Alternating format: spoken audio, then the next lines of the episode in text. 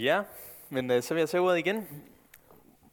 Nu øh, skal vi have den sidste time, hvor vi øh, skal prøve at komme, om, øh, komme igennem øh, kapitel 3 og 4, og vi skal særligt stanse for øh, det her kald til omvendelse, som øh, Jonas han, øh, han giver, og øh, så hans kamp med, med Guds retfærdighed og Guds nåde. Lad os begynde med at, at læse øh, kapitel 3 og 4. Derefter kom Herrens ord for anden gang til Jonas, rejs til den store by Nineve og råb det, jeg befaler dig, ud over den. Jonas rejste så til Nineve, som Herren havde befalet. Nineve var en stor by for Gud. Tre dagsrejser stor. Da Jonas var kommet en dagsrejse ind i byen, råbte han, om 40 dage bliver Nineve ødelagt. Mændene i Nineve troede Gud på hans ord, de udråbte en faste, og både store og små klædte sig i sæk.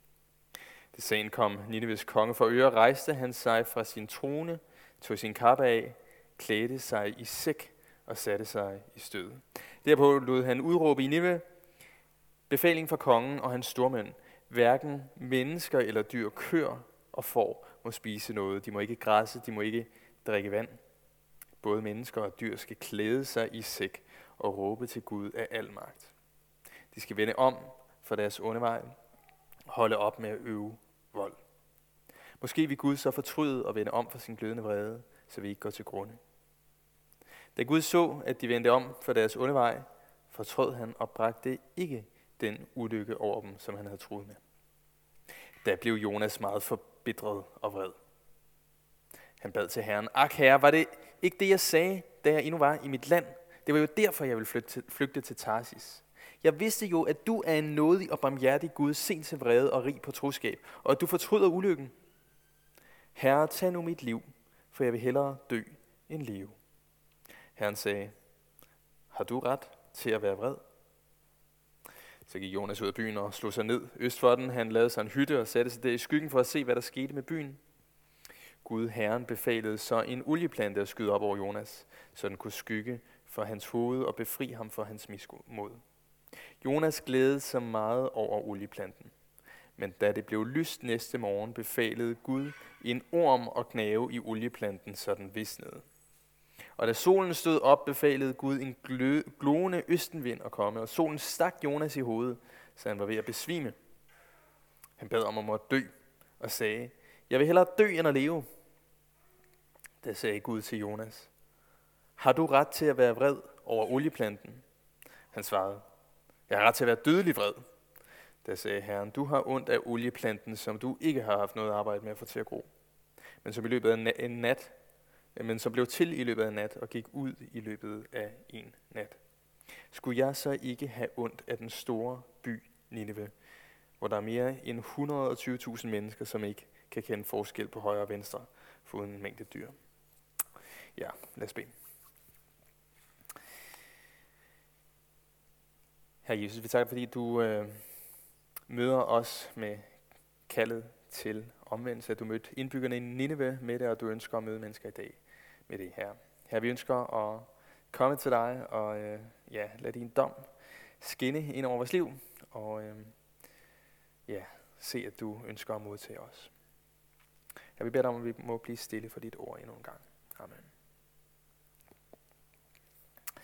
Ja, der kommer en dag, hvor Gud han vil holde dom. Og øh, hvis vi tror, at vi kan skjule noget for Gud, jamen så øh, tager vi fejl. Jesus han siger i, et sted i, i Lukas evangeliet, øh, kapitel 12, der er intet hemmeligt, som ikke skal åbenbares. Intet skjult, som ikke skal blive kendt. Derfor, hvad I har sagt i mørket, skal blive hørt i lyset. Og hvad I inde i kammerne har visket folk i ørerne, skal prædikes ud for tagene. Alt skal blive kendt. Og på øh, for Nineve, så var tidspunktet for Guds dom kommet. Jeg har opdaget deres ondskab, sådan sagde øh, Herren om i øh, kapitel 1, vers 1. Og øh, det var ikke sådan, at Gud han ikke vidste, hvad det var, der foregik i den her by, at han først lige skulle opdage det, øh, eller først lige skulle fange hendes opmærksomhed. Gud han ved alt, og han ved selv det, som vi øh, kan komme til at, at skjule for andre mennesker. Men for det her, den her by, Nineveh, så var der kommet et tidspunkt, hvor at Guds tålmodighed den var ved at være brugt op. Og øh, her i Jonas' bog, kapitel 3, vers 1, så befaler Gud nu Jonas endnu en gang at tage til den store by Nineveh. Øh, som vi hører i, i vers 1. Øh, jeg rejste til den store by Nineveh, og øh, for at forkynde Guds. Og øh, Jonas, han, øh, den her gang, så gør han, som Gud han siger, og øh, han rejser ind i byen, og så råber han, om 40 dage bliver Nineve ødelagt. Nu øh, var Guds tålmodighed blevet brugt op, for den her by den var fuld af ondskab. Ja, vi læste øh, i første time øh, her fra Nahums bog, hvor vi så lidt om, hvordan, øh, hvad det var, der fyldte i den her by. Vi, skal lige prøve at slå op endnu et sted, hvor at byen Nineve bliver nævnt, og, og dens synd. Vi, vi skal bladre op i Esajas bog, kapitel 10. Esajas bog, kapitel 10, og det er vers 12.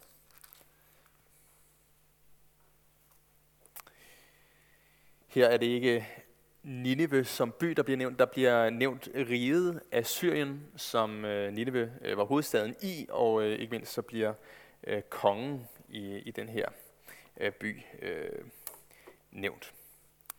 Det er Gud, der siger øh, i Isaias bog, kapitel 10, vers 12, Jeg vil straffe Assyriens konge for frugten af hans hjertes hovmod og for hans stoltes, stolte øjnes pral. For han har sagt, jeg greb ind med min stærke hånd og i min visdom, for jeg er klog. Jeg fjernede folkenes grænser og plyndrede deres skatte. Som den mægtige styrtede jeg hersker fra tronen. Min hånd fandt frem til folkenes rigdomme, som til en fuglerede. Som man samler forladte æg, har jeg samlet hele jorden. Og øhm, der var ingen, der slog med vingen eller åbnede næbet og pip. Og, og, og så siger altså, det er Gud, der ligesom citerer den her konge for hans pral. Ikke? Og, og så svarer Gud, praler øksen over for den, der hugger med den. Hårdmoder saven sig over for ham, der trækker den. Som kæppen kan svinge ham, der løfter den, eller stokken løfte ham, der ikke er træ. Derfor sender Herren herskers herre svindsot i hans fede krop, og under hans pragt skal det brænde som en flammende ild. Til Israels lys bliver til ild det hellige til en flamme, der skal brænde og fortære hans tissel og tørn på en og samme dag. Den tintet gør råb og stup i hans herlige skov og frugthave. Han tages fuldstændig hen.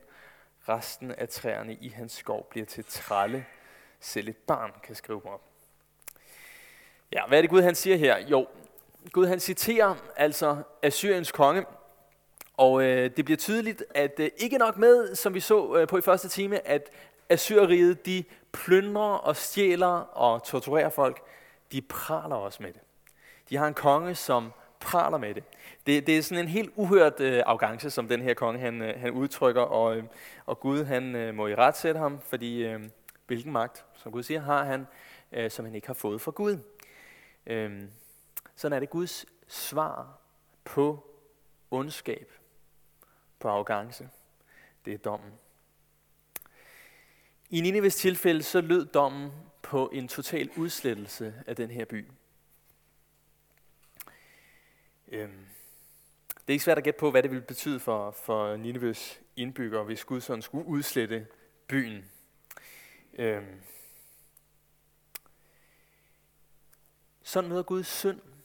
Sådan møder Gud ondskab. Han straffer den skyldige, og øhm, sådan er det også, at Gud han øh, fortæller om, at der kommer en dag, hvor verdenshistorien den skal have sin afslutning, hvor at Gud han vil holde alle mennesker ansvarlige og straffe alt ondt.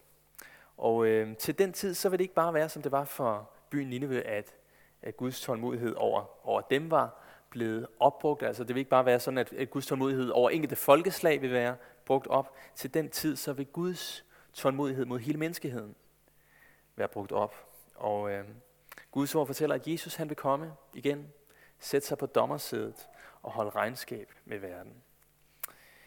Øhm, ja, der står i, i Matthæus evangeliet kapitel 25, vers 46, at, at Jesus han der vil sige, at de retfærdige skal gå ind til evigt liv, men øh, mens de andre, de skal gå bort til evig straf. Det, det er alvoren.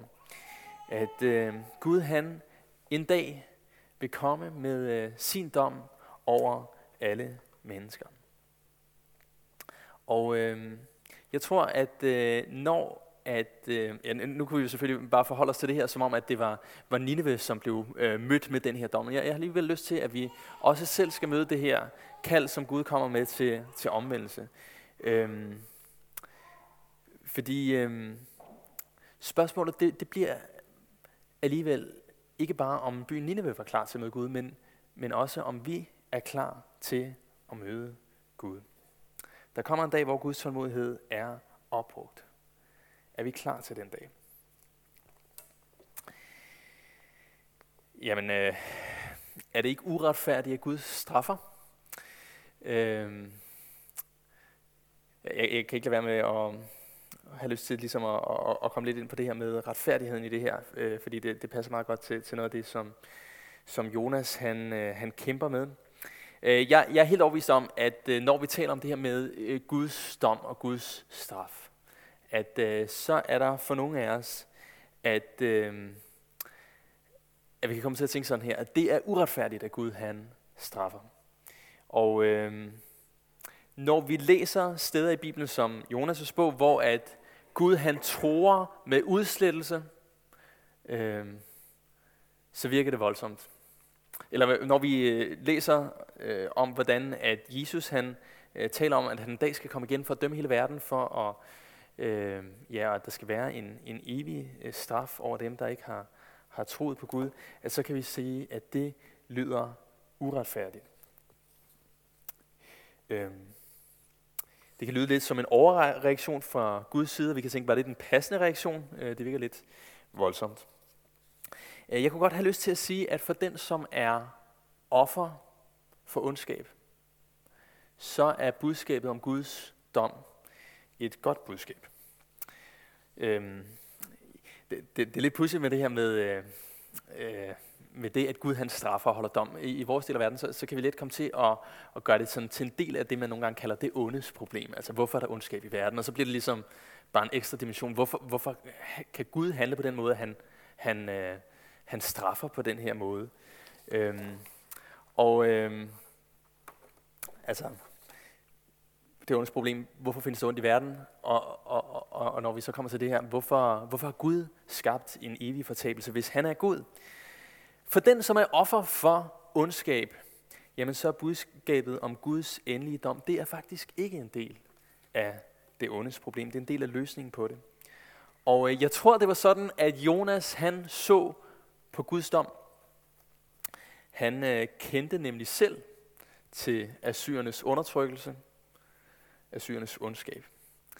Øhm, det er også sådan, de første kristne de betragtede det her budskab om, om Guds øh, dom netop som et svar på det her, det ondes problem. At, at der kommer en dag, hvor, at, ja, det kan godt være, der findes ondt i verden, men der kommer en dag, hvor Gud han vil straffe det, hvor han vil fjerne det. Øhm, her, øh, ja, nu, nu nævnte jeg før øh, den der krig i, øh, i, øh, i Israel eller i Ukraine. Altså, øhm, ja, indimellem så, så kan man læse nogle frygtelige nyheder, ikke? Altså om hvor, hvordan der er nogen, der går bevidst efter drab på civile. Ikke? Altså vi har både haft det i Ukraine, hvor at, øh, Putin har sendt øh, missiler efter øh, civile, som flygtede og var samlet på en togstation. Sådan helt bevidst går efter civile. Det er, det er i den grad øh, krigsforbrydelser. Og øh, man kunne nævne noget af det samme for fra, fra Israel. Og øh, når man møder det, så kan man friste til at spørge, skal det virkelig ikke have nogen konsekvenser for den, der gør sådan noget? Realistisk set så kommer øh, Vladimir Putin jo nok aldrig for en øh, krigsforbryderdomstol.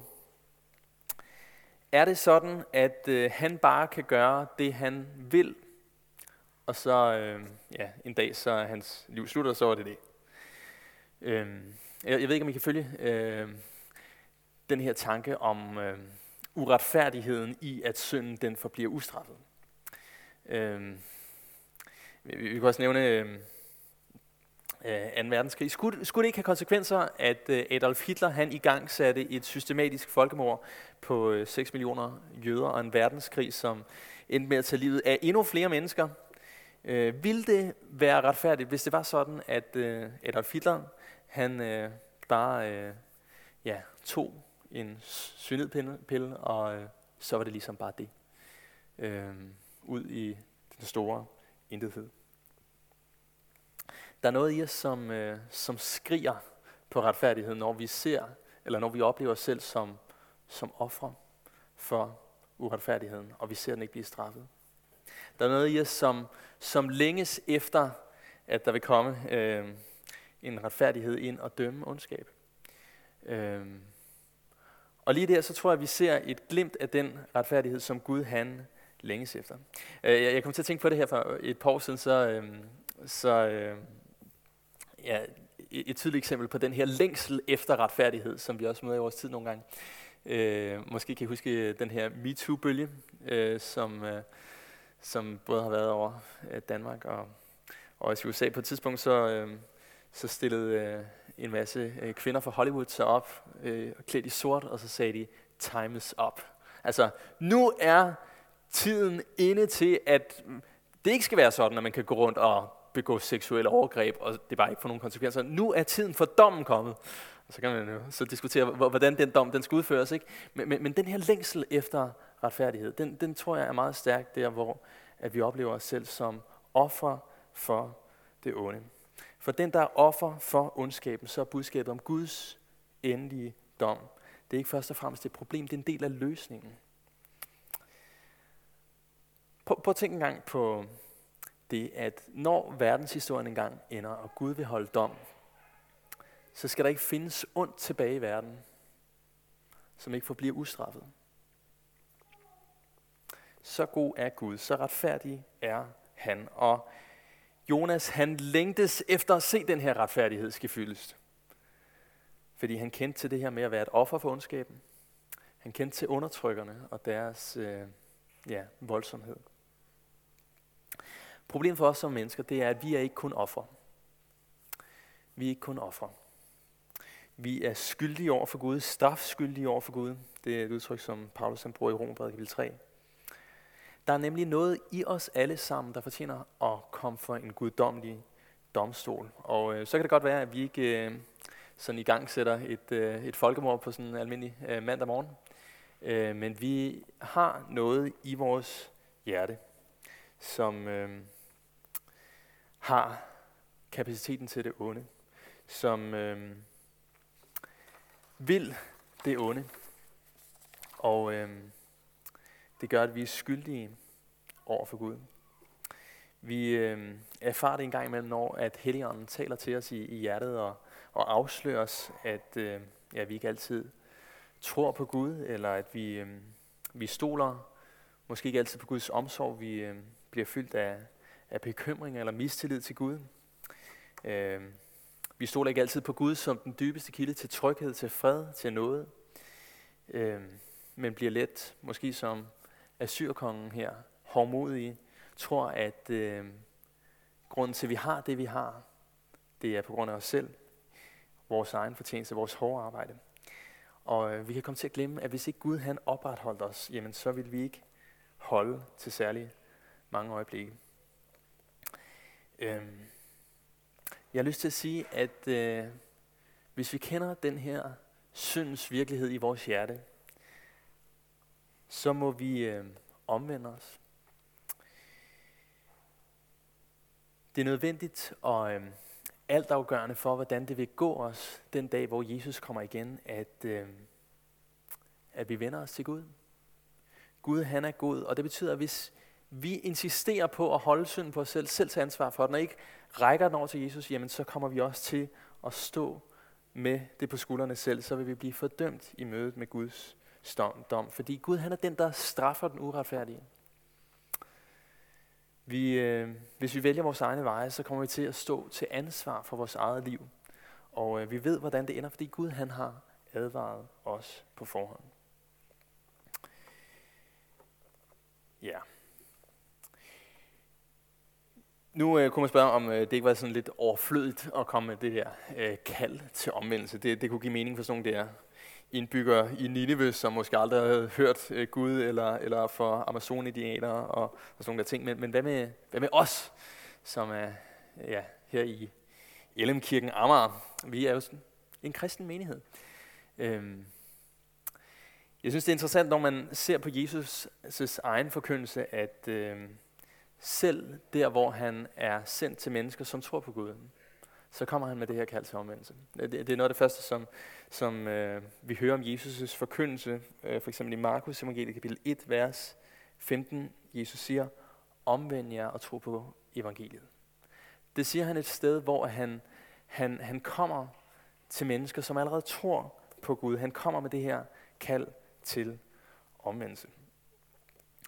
Øh, nu, nu kender jeg en del af jer, og jeg kender jer også som øh, oprigtige og modne øh, kristne, og øh, det, det glæder jeg mig over. Jeg ved også, at synden den er en stærk magt, og øh, den kan trænge ind i vores liv. Og øh, den kan komme til at øh, få en, en plads i vores liv, hvor at øh, ja, hvor den overtager den øh, plads, som troen skulle have. Og øh, det kan være sådan, at, at vi oplever, at øh, synden kommer ind, og, øh, og vi øh, holder op med at tale med Jesus om det. Øh, det kan også være sådan, at vi øh, bliver ved med at komme i den kristne øh, kirke, men måske mest fordi øh, vi bliver slæbt med af en øh, ægtefælle eller andre. Og øh, hvis vi har det sådan, jamen, så må vi omvende os. Det er det kald, som Gud giver. Vi må omvende os fra synden i vores liv, og vi må vende os til Gud. Det er vores eneste håb, hvis vi skal undgå mødet med Guds endelige dom. Øhm. I en vis forstand, så det her kald til omvendelse, det er jo faktisk et kald til os alle sammen, også selv om, ja, som, om vi, vi, vi lever vores liv øh, som kristne. Øhm. der er nemlig noget, som vi alle sammen må vende os fra i vores eget liv og vende os til Jesus. Øh, jeg læste øh, lidt i en bog af en, der hedder Sam Aubrey, en øh, anglikansk øh, præst. Øh, og øh, han, han, blev, øh, han opdagede nogenlunde samtidig, øh, at han var tiltrukket øh, til sit eget køn, øh, nogenlunde samtidig med, at han kom til tro på Gud. Og øh, så, så, så, så siger han sådan her i, i denne bog. Øh, lige siden jeg har åbnet op om mine egne erfaringer af seksuel tiltrækning til mit eget køn, så er der en del kristne, der har sagt ting til mig, som at evangeliet må være sværere for dig, end det er for mig. Som om, at jeg skulle have mere at give afkald på end dem. Og så siger han, men sagen er, at evangeliet det kræver alting af os. Hvis nogen tror, at evangeliet er glædet ubesværet ind i deres liv, uden at forårsage nogle større ændringer i deres livsstil eller forhåbninger, så er det sandsynligt, at de endnu ikke er begyndt at følge Jesus. Da jeg læste det, så tænkte jeg, wow, det var rimelig øh, vildt formuleret. Øhm, men det er jo dybest set en virkelighed, det her kald til at vende sig væk fra synden og vende sig mod Jesus, som jo er det omvendelse er, det er et kald til os alle sammen som øh, mennesker. Også øh, selvom vi har levet som kristne i mange år. Vi er kaldet til at fornægte os selv, vi er kaldet til at fornægte det onde, vores begær og øh, de ting, som, som ødelægger os, vores omgivelser, håner Gud.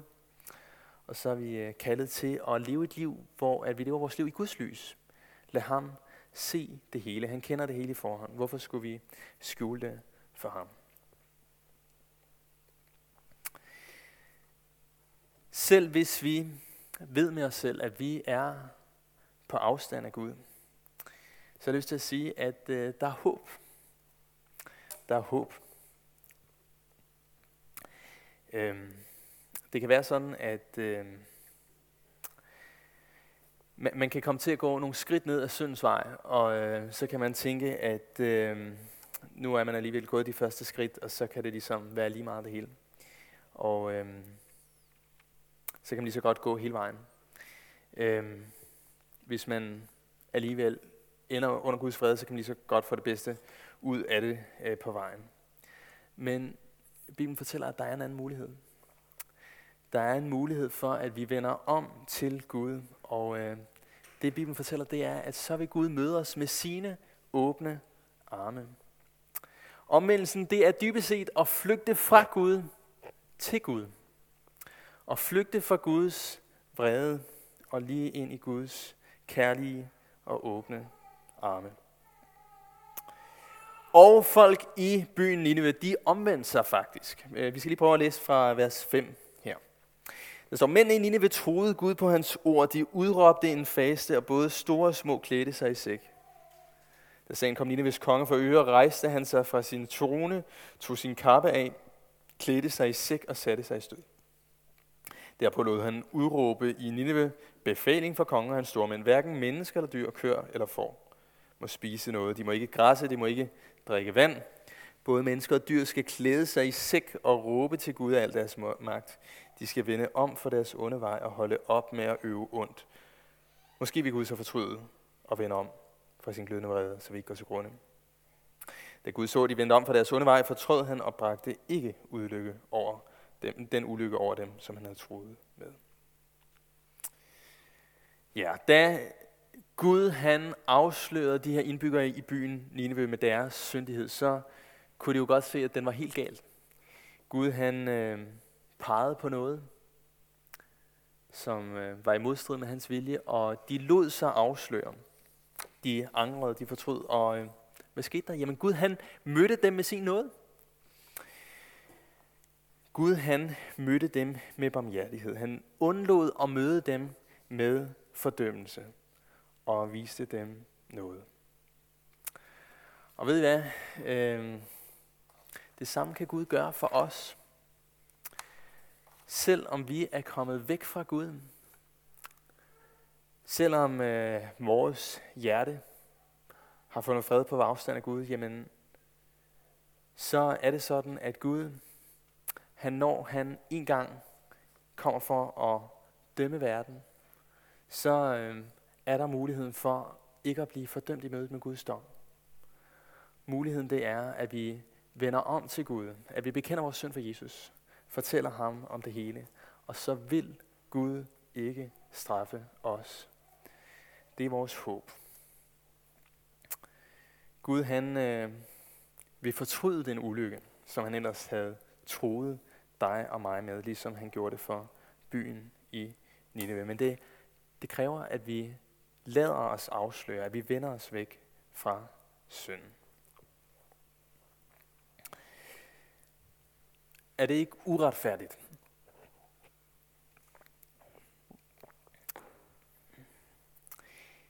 Mens øh, vi øh, i vores øh, vestlige del af verden øh, kan være tilbøjelige til at mene, at det er uretfærdigt, når Gud straffer, jeg var inde på det lidt før, så var Jonas' problem egentlig det modsatte. Og øh, det, det synes jeg faktisk er meget sjovt at opdage her. Øh, Jonas' problem, det var, hvordan kan Gud være retfærdig, hvis han ikke straffer nogen? Kan I følge det? Altså det, det er da uretfærdigt, at Gud han viser noget mod de her indbyggere. Han, han har haft kendskabet til, til den her by, hvordan de var fulde af, af vold, fulde af mor, og hvordan de lemlæstede deres fjender og alle mulige andre ting.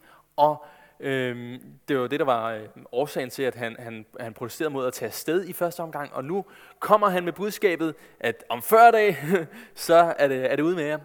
Og øhm, da han er kommet med det budskab, jamen så vælger Gud bare at fortryde. Han vender, vælger ikke at møde dem med, med, øh, med straf, men vælger at fortryde ulykken og møde dem med noget. Jonas, han er oprigtigt frustreret over Guds nåde. Øhm, fordi den virker uretfærdig. Øhm, I øh, Jonas' bog, kapitel 4, vers 2, der øh, hører vi Jonas øh, sige sådan her. Vi skal lige prøve at se vers 2 her. Øh, det, det er i forbindelse med Jonas, han protesterer over, at, at Gud han har mødt byen med noget. Han, han siger, jeg vidste jo, at du er en nådig og barmhjertig Gud, sent til vrede og rig på troskab, og du fortryder ulykken. Øhm, altså Jonas han er oprigtigt frustreret over den her Guds nåde, og øhm, det, det sjove ved det her, øh, Jonas siger, det er faktisk mest, hvad han ikke siger. Øhm, Jeg, jeg ved ikke, om I er klar over det, men det her, Jonas siger, det er faktisk et citat. Øh, så hvis I øh, har en bil med, så, så prøv at slå med mig op i 2. Mosebog, kapitel 34, vers 6. 2. Mosebog, kapitel 34, vers 6. Der, øh, det, det, det er det her sted, som, øhm, øh, som Jonas øh, citerer fra. Der står der, øh, Herren øh, gik forbi ham, og, og det er altså Moses, og råbte, Herren, Herren er en barmhjertig og nådig Gud, sent til vrede og rig på troskab. Han bevarer troskab i tusind slægtsled, tilgiver skyld og overtrædelse af synd. Og så står det, det som Jonas ikke fik med. Men han lader ikke den skyldige ustraffet. Altså, Jonas han gengiver det første korrekt. Han øh, forstår, at Gud han er en Gud, som ja, viser noget, men det frustrerer ham. Og han kan ikke tage de her ord over sine læber, at Gud skulle være en Gud, som ikke lader den skyldige ustraffet. For det er som om, at det ikke går op, de her to linjer. Hvordan kan Gud både være en Gud, som viser noget, og samtidig være en Gud, som ikke lader den skyldige ustraffet? Det, det er som om, at når vi læser Jonas' bog, så rejser bogen et problem, som den aldrig svarer på. Nemlig, hvordan kan Gud både være nådig og retfærdig på samme tid? Hvis Gud han virkelig er retfærdig, jamen så må han straffe synden. Så skulle byen jo blive udslettet. Men hvordan kan han så være nådig på samme tid? Det er som om det ikke øh, går op jeg tror, at det her det øh, først går op, når vi øh, møder Jesu kors. Og øh, det har vi, det havde Jonas ikke. Øh, Jesus han døde for, at Gud kunne vise sin noget mod os i ham. Men da øh, Jesus han døde på korset, så var Gud ikke blødsøden. Gud var ikke øh, eftergivende. Han valgte ikke bare at glemme synden af ren og skær medfølelse. Det er rigtigt, at Gud han elsker os. Men det var netop den kærlighed, som drev Gud til at ofre sin søn. For han lagde ikke den skyldige ustraffet. Al ondskab enten vil blive straffet, eller er blevet straffet. Og for øh, os, som ved med os selv, at vi er syndere, så er det vores eneste håb at denne Gud, som øh, ikke lader den skyldige ustraffet, han har straffet Jesus. Og derfor kan Gud møde os med sin nåde. Han er ikke uretfærdig, fordi han mødte Jesus med retfærdighed, så han kan møde os med sin nåde. Korset det er den eneste sted, hvor Guds nåde, hans barmhjertighed og hans retfærdighed går op. Og øh, hvis vi kommer til Jesus, i omvendelse af tro, hvis vi tager den her dom ind over os, som Gud han møder os med, lad os afsløre, ligesom indbyggerne i Nineve lod sig afsløre, jamen så vil Gud fortryde ulykken. Han vil vise os sin nåde, fordi Jesus han blev straffet. Lad os bede sammen.